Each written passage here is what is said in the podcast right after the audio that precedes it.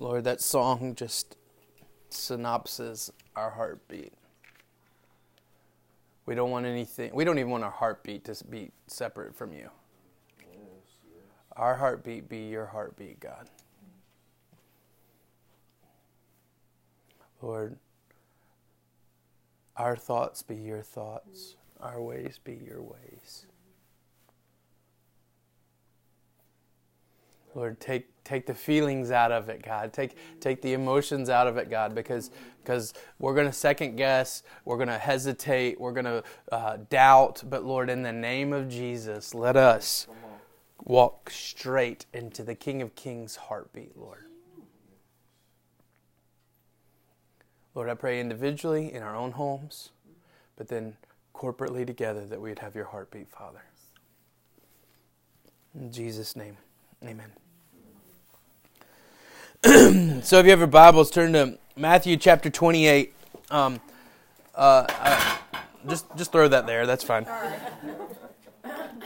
Um, as I was uh, praying about okay so we're in leviticus reading i like right like uh, if you're doing the reading and stuff it's like whoa this is intense right like hang on now what are they doing um, with all this blood like it seems like there's always blood involved in all the stuff in leviticus um, but uh, and then like they were eat. I was wanting barbecue this morning when I was reading real early because they were talking about all the the different ways you're supposed to eat the cooked meat and stuff. I'm like, all right, let's do this. Um, and it's like the priest, right? Like ultimately, the priest gets the extra, right? Like you always wonder why Southern Baptist pastors are so heavy, right? Um, it's because they're they're just doing what Leviticus told them, right? no, um, I uh, I was praying through it and and like okay, um Lord, what do you have? What do you want for us? You know, that kind of prayer that I've been praying. And um, I just kind of skipped ahead a couple days. On Tuesday, we're going to be reading Matthew 28. And then I, I, I told David, um, it's so perfect that the week that we're multiplying, and I, I, could say it this way: the week that we're sending, because we're sending you guys, right? Like like home base to a new home base, we're sending you guys, and we're sending these families to the Wolf Woostons, and the week that we're multiplying, that we would talk about Jesus' commission to multiply, right? Um, so if you have your Bibles, Matthew chapter 28. Um, first part of Matthew's is so funny. Like, uh, you read Matthew, and like the you know, the Matthew's account is the genealogy. You see all the genealogy at the beginning, like this incredibly detailed from almost Adam to Jesus, like like everything we see of this detailed description of everything. And then like the best part, the 40 days where Jesus is walking around after he died is like two or three verses, right? like Matthew skips over it. Now Mark, Luke, and John obviously give us a lot better descriptive of those days after Jesus rose. But basically, Matthew 28, the first few verses say, uh, they went to the tomb and they didn't find him. And then all of a sudden, he appeared and told Mary, Tell the brothers to meet me in Galilee. That's basically the beginning, like this crazy, unbelievable concept that the tomb is empty.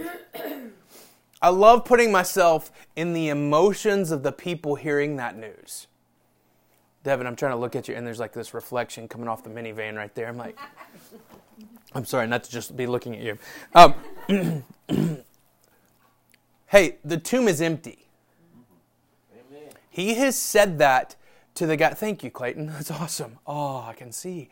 Um, uh, the tomb is empty. He has said that this is going to happen to the disciples.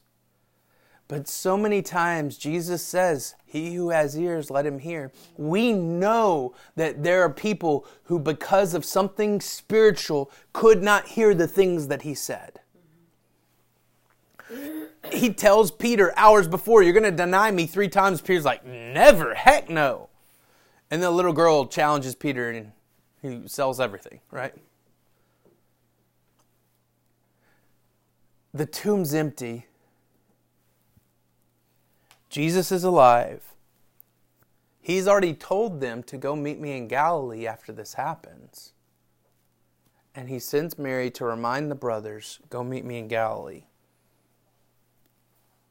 What's the emotion? oh my goodness, what's about to happen? Now we know from the other accounts, they're sitting there scared to death, locked doors down in a basement, scared to death, and Jesus walks in. Okay?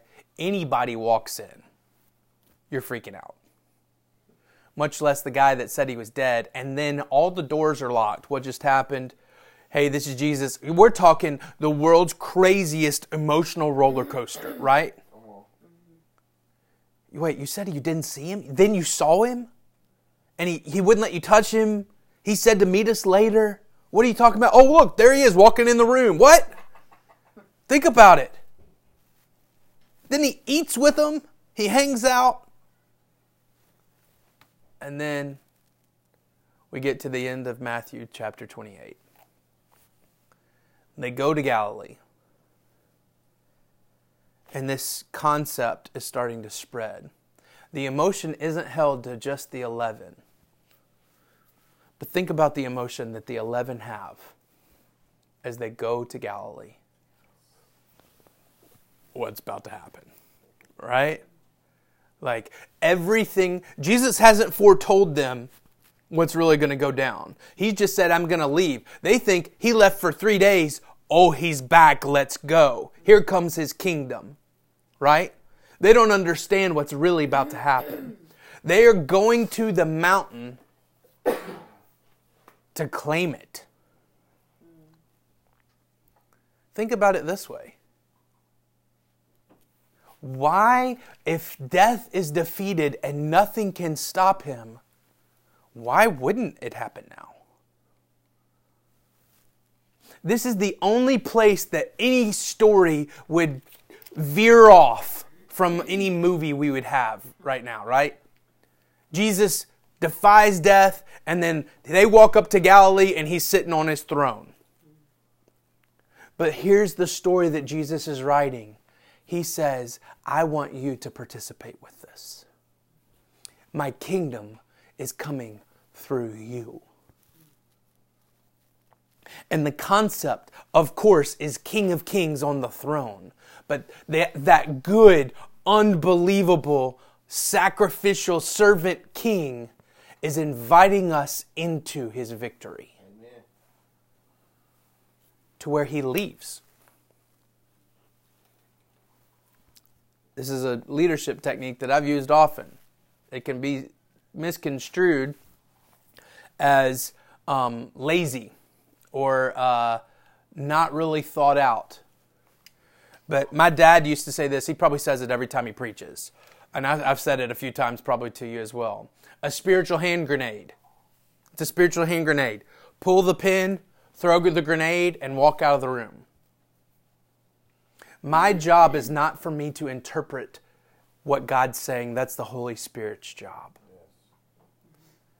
And watch this Jesus sends the Holy Spirit after he leaves so that we can now interact on a spiritual level like we've never done before. And so ultimately, the good leadership technique that I've learned from the Father here is to ask a question and sit back and not answer it. To encourage support and then walk away. If I have to be pivotal in us launching into Bartlett, right? And I hate that we're doing it for six weeks, but I get it. I understand we need to transition. But if it's pivotal around me, y'all, this isn't Jesus' church at that point, it's my church. if there is something in your life that's pivotal around you that's not God given, God's given us kids. They're pivotal to us until the time when they are able to go the way that they should. There are few things in life like that. Most of the time, it should not be pivotal around us. There'll be a moment that everything is pivotal around Jesus. It is now for us, but not for the rest of the world. But the Bible says that one day, when he comes back on the white horse with a name tattooed on his thigh that no man can pronounce, the name that is above every name, that every knee will bow in heaven, on earth, and under the earth, and every tongue confess that He is Lord. That's not this moment. And I scratch my head at that one, don't you? You just walked out of the grave. Why not make it this moment? And he says, No, I'm going to bring you into this incredible victory. There's 11 on the mountain. We got more than 11 in this room right now. How many people are meeting in other churches around this city, around this country, around the world? And they're invited into the victory that Jesus has given. But watch this Matthew 28, verse 11. So then they're off to Galilee, and the Bible says, While they were going, behold, some of the guard went into the city and told the chief priests all that had taken place. Basically, the tomb's empty, what's going on? And when they had assembled with the elders and had taken counsel, they gave a sufficient sum of money to the soldiers and said, Tell the people his disciples came and stole him away while we were asleep. And if this comes to the governor's ears, we will satisfy him and keep you out of trouble. So they took the money and did as they were directed. And this story has been spread among the Jews to this day. Now the eleven disciples went to Galilee to the mountain to which Jesus had directed them. And when they saw him, they worshiped, but some doubted. And Jesus came to them. I'll stop there for a second. So you've got paid off rumor mill Original fake news, we'll see. The, the original fake news taking place, right? Like, hey, you go tell people that this is what's going on. Here's some money. You'll be okay. You won't die. And then if the governor hears it, he won't know which one to believe. So ultimately, he'll just side with you. And it says, and the Bible, when this was written, Matthew wrote this somewhere 30 years after, kind of thing. It, they were probably transcribed, but it didn't really start getting around until about 30 years after this. And he said, To this day, the Jews still believe that. Hey, guess what? To this day, there's still people that believe that. As soon as the Lord is operating in his kingdom, which is what he's always doing, the enemy starts operating in his kingdom. Our former pastor used to say, spiritual activity begats spiritual activity. You got to watch it. Man, some of you guys have felt it. Poor Clayton's trying to stay awake because he's in a NyQuil induced coma because he's not sleeping. Hey, I've been there, right? Like I'm not sleep. Like there's there's things that the enemy does in subtle ways, and all of a sudden we go, oh, that's just coincidence, and all of a sudden we start to realize, no, the enemy's doing something. And when we start to see with spiritual eyes, we can start to fight with spiritual arms. First point Drama and doubt always distract us from Jesus' mission for us. There's this drama out. Like, I don't know if there's the boy on the corner selling the newspapers back then, right? Like, hey, the disciples have stolen the body. The, the Jesus is not really dead, uh, alive. He's dead. And the disciples, while this rumor's taking place, stay focused and go to meet Jesus. They don't get on Twitter and try to fight back, right? Right? They're not doing that. They're not going to go plead their case towards, hey, we didn't we didn't steal their bodies. Look, I got my alibi, which they could have done. They could have gone and spoken truth to recant the rumor.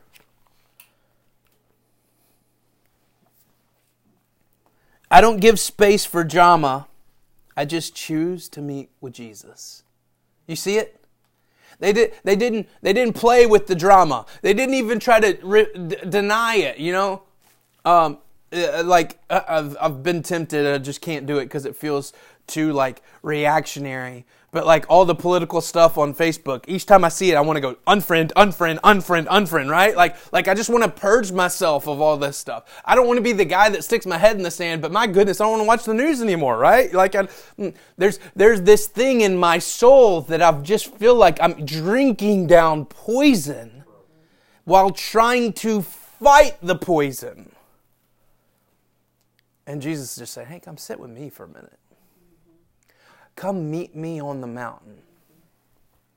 So many times we spend our efforts on trying to prove the truth that we've forgotten that Jesus is the truth. This is how the enemy's always worked. He walked up to Eve. Will you really? Did he really raise from the dead? Just this slight distraction for our flesh is enough for our vision to get blurred and Jesus to seem distant. You been there? Man, I don't know which way's up. I'm not hearing anything. I'm not uh, my time with the Lord's not happening.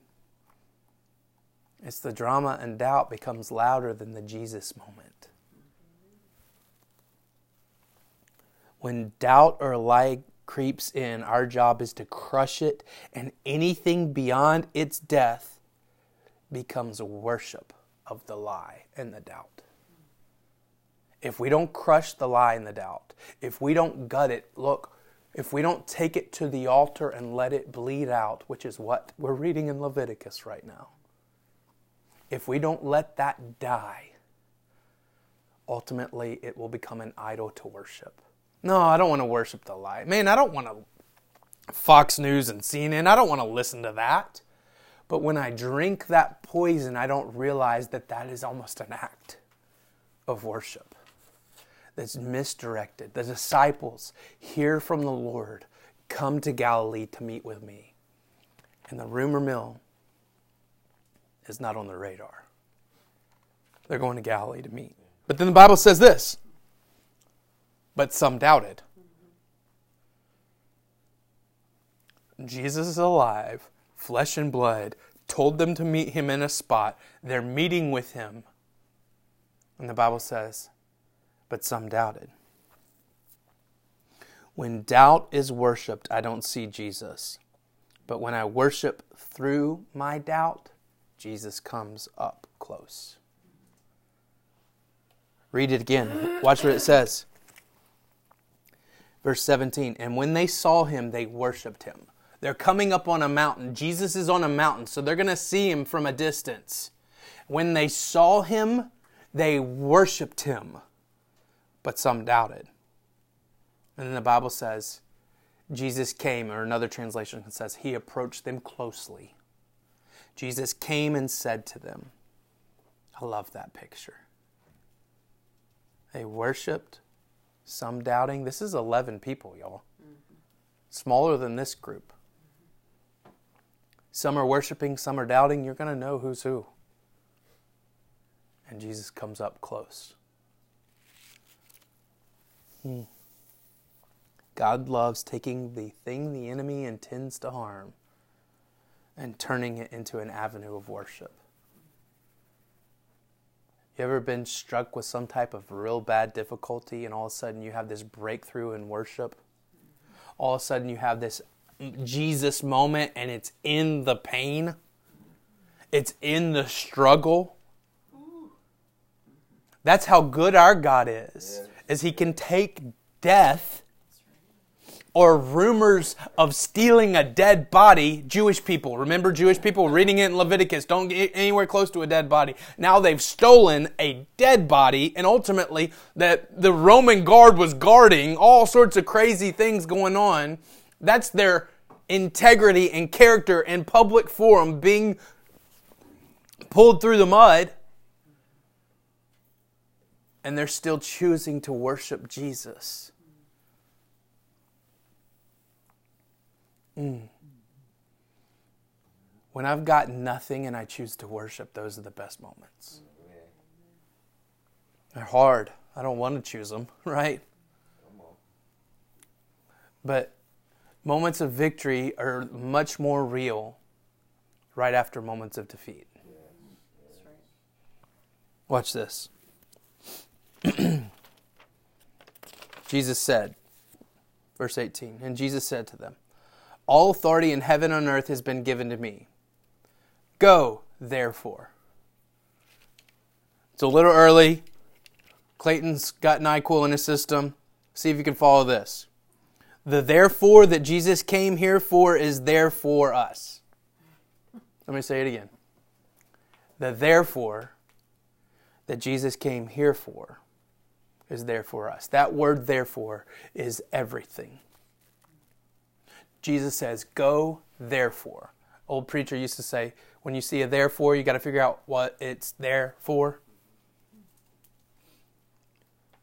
The therefore that Jesus came here for is there for us. What's the therefore? If you are any type of literary major or just kind of put it together, it's backing up to the sentence before. Backing up to the sentence before, Jesus says, All authority in heaven and on earth has been given to me. If Jesus was to walk into the room right now and say, Bow down and worship me, we would, and it would be appropriate. But if any other person with blood in their veins were to do the same thing, we'd go, You arrogant, right? It wouldn't work. But because he's the King of Kings and the Lord of Lords, all authority in on heaven in heaven and on earth. Remember, they're on a mountainside worshiping a dude that's been dead some are doubting. He comes up close to them and says, All right, with everything I am, all authority in heaven on earth and on earth has been given to me. Go, therefore. From baby's cry in Bethlehem to that moment, that therefore is everything anything, my body of work that I've done to this moment, Jesus is saying, I'm sending you with this. I've shared this with you before. We in society cherish last words.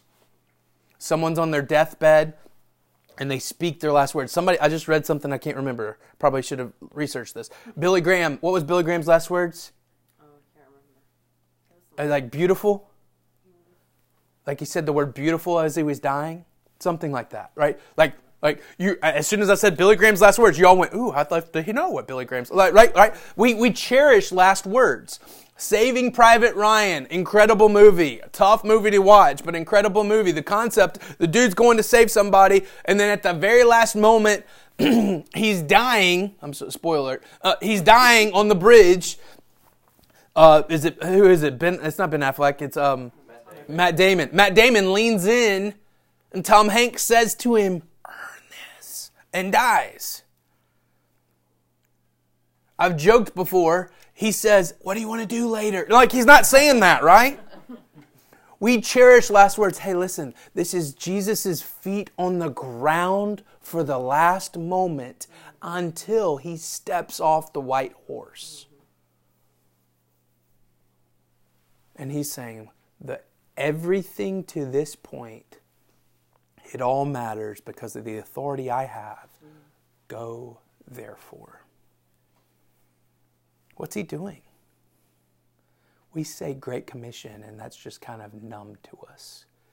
He's taking his entire body of work on the planet and saying, I'm giving it to you, and as that, walk in that authority.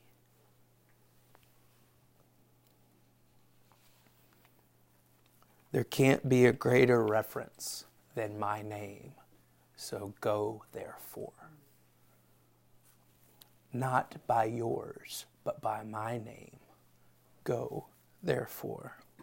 When you're struggling about how you're going to live,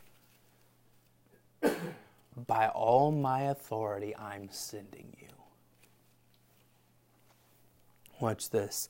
My life lived under Jesus' authority is a life hidden in Him to the point that my identity and His are hard to separate. Because He said, Go therefore. Because of His authority. But my life lived outside Jesus' authority is a life so desperate, willing to do anything to gain identity. The unique thing is when we come under his authority, we aren't hidden in his shadow, but rather sent out in his light. Think about that. What other king sends out his people in their in his own authority? After he's gone. Kings that are dead have no more authority.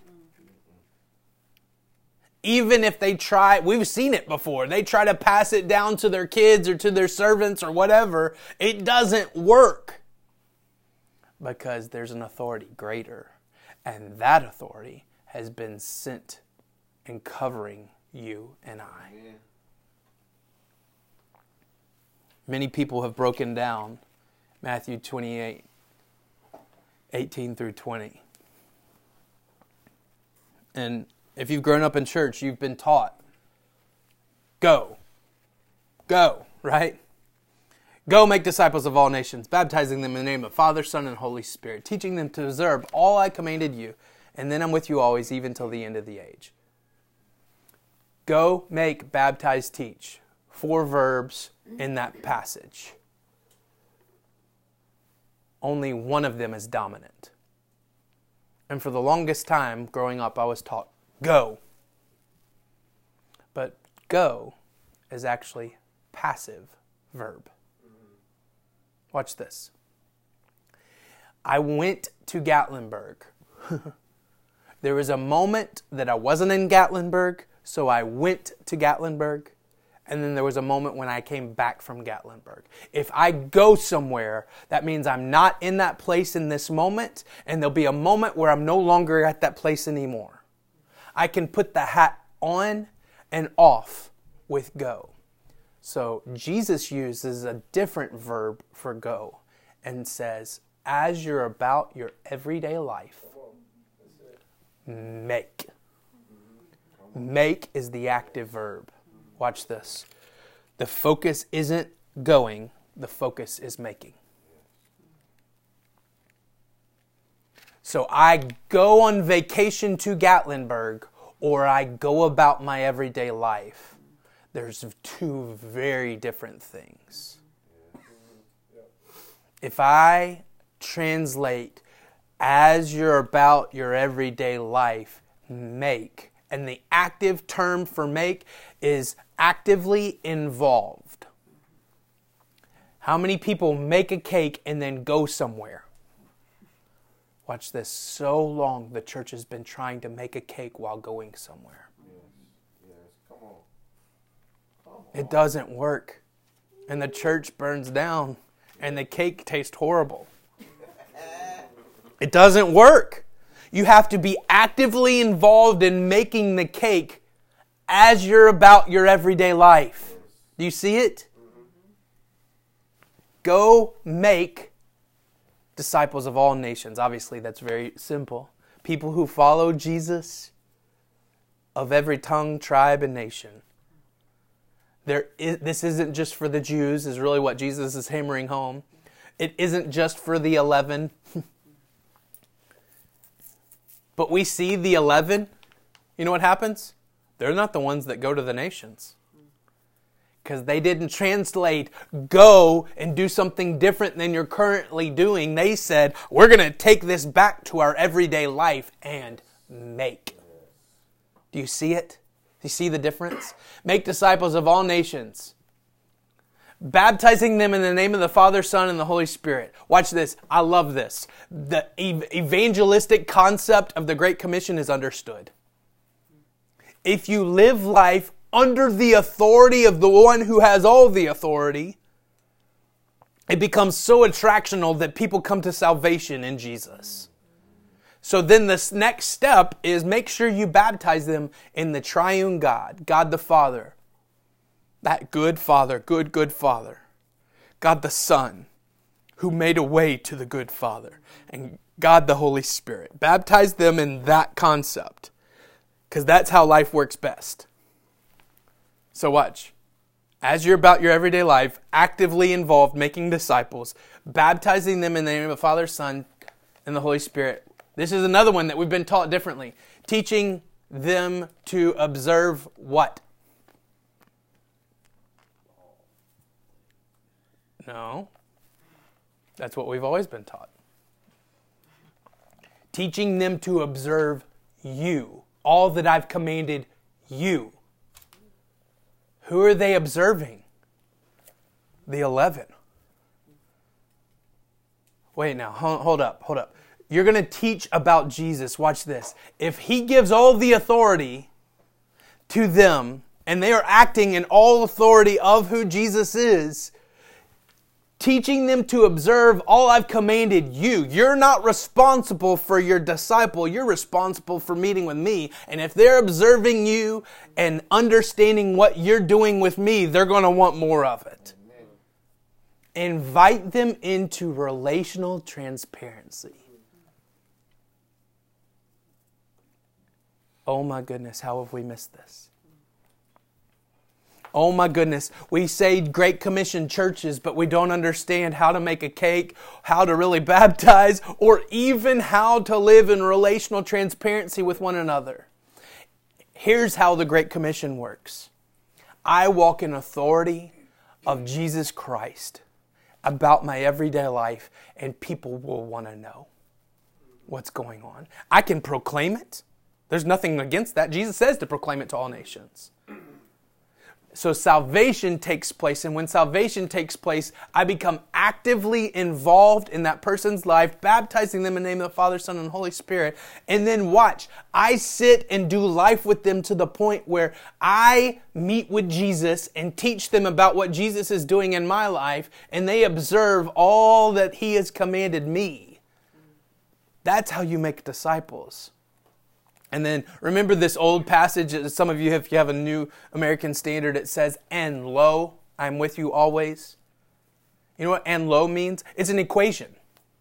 Who, who likes math? There's people in here that like math. the, the, the, the shift in the equation, if you do this, and then this will take place, the equal sign, in essence. Watch. A plus B equals C go make, baptize, teach equals, and with you always, even till the end of the age. Jesus is nearest when we are about our everyday life, actively involved, making disciples, baptizing people in the name of the Father, Son, and the Holy Spirit, and teaching them to observe all that He has commanded us. That's when Jesus is the nearest. How do we multiply? How do we multiply? How do we look at another version of another home church in Bartlett, right? How do we look at that? Watch. It's simple on paper. The lies, the rumors that the enemy might play, if we fix our eyes on Jesus and meet him on the mountain, we won't listen to the doubt and the drama if we walk in Jesus' authority, we will carry his light to dark places. If we make disciples, but talking about by talking about Jesus in relational transparency, transparent community.